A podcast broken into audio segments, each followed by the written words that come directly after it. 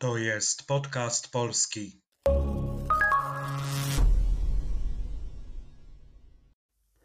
Cześć, nazywam się Przemek, a to jest podcast polski.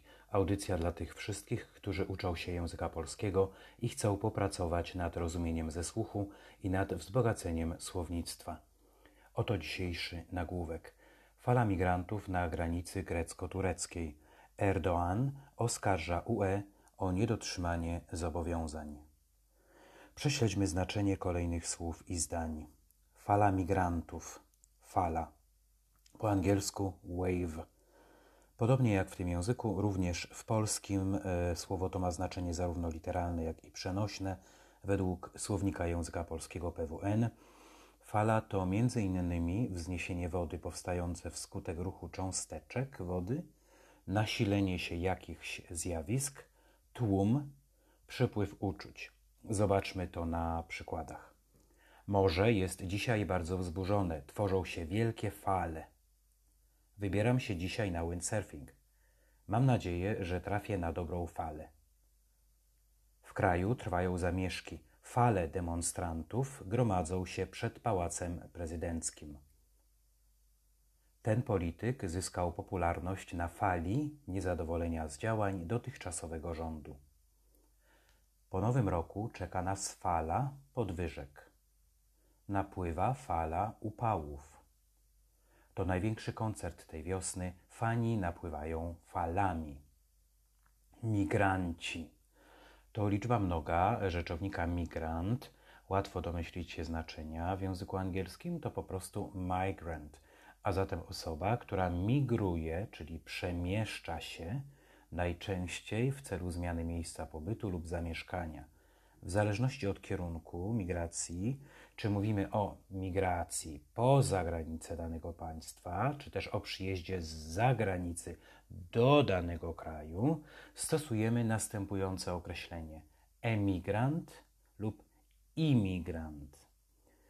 Choć zwykle mówimy o migrantach w kontekście przemieszczania się między państwami, to można tego słowa użyć również w kontekście kontynentu, regionu, obszaru i tym podobne. Przykłady. Polska przyjęła w ostatnich latach około miliona imigrantów z Ukrainy.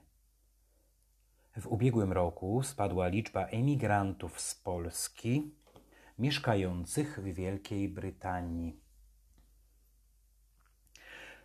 Na granicy grecko-tureckiej Granica po angielsku powiemy border albo edge.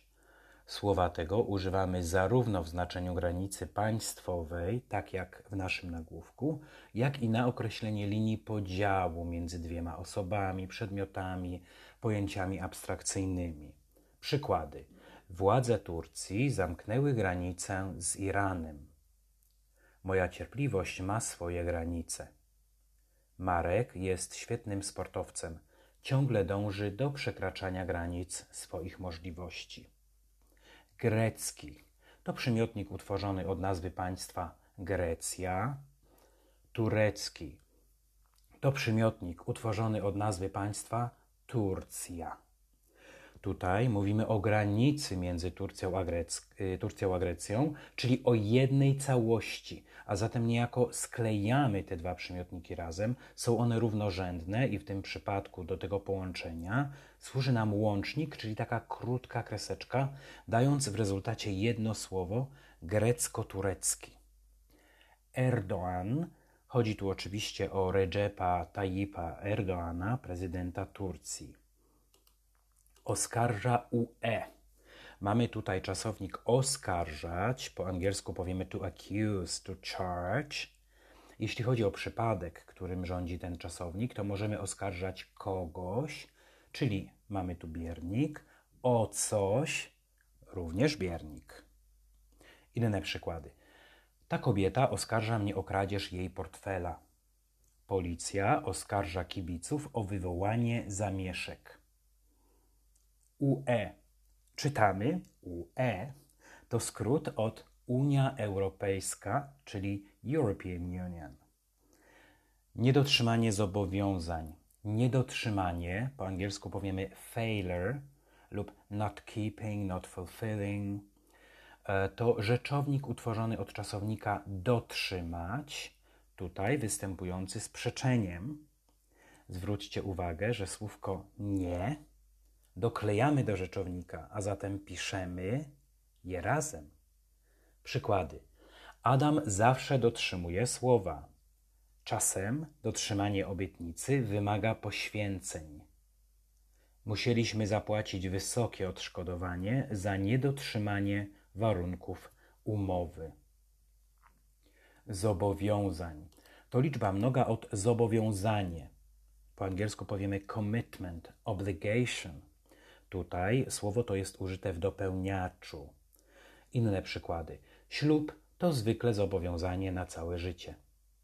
Każdy pracownik podpisuje zobowiązanie do zachowania tajemnicy służbowej. I to było ostatnie słowo y, dzisiejszego nagłówka. Na koniec jeszcze raz posłuchajmy całej informacji. Fala migrantów na granicy grecko-tureckiej. Erdoğan oskarża UE o niedotrzymanie zobowiązań. Przypominam, że wszystkie odcinki łącznie z transkrypcją znajdziecie na moim blogu, który od niedawna ma nowy adres podcastpolski.pl. Stworzyłem również stronę na Facebooku, żeby łatwiej było śledzić, kiedy pojawiają się kolejne odcinki. Dajcie znać w komentarzach, co Wam się podoba, a co nie w tym podcaście. E, komentarze pomogą mi pracować nad jego zawartością i jakością. Możecie też zaproponować temat na kolejny odcinek. I na koniec dodatkowa informacja dla osób, które są zainteresowane lekcjami lub konwersacjami. Można mnie znaleźć na iTalki, czyli platformie ułatwiającej kontakt uczniów z nauczycielami, a także skupiającej osoby zainteresowane wymianą językową. Szukajcie imienia Przemek wśród nauczycieli języka polskiego. Dziękuję za uwagę. Do usłyszenia.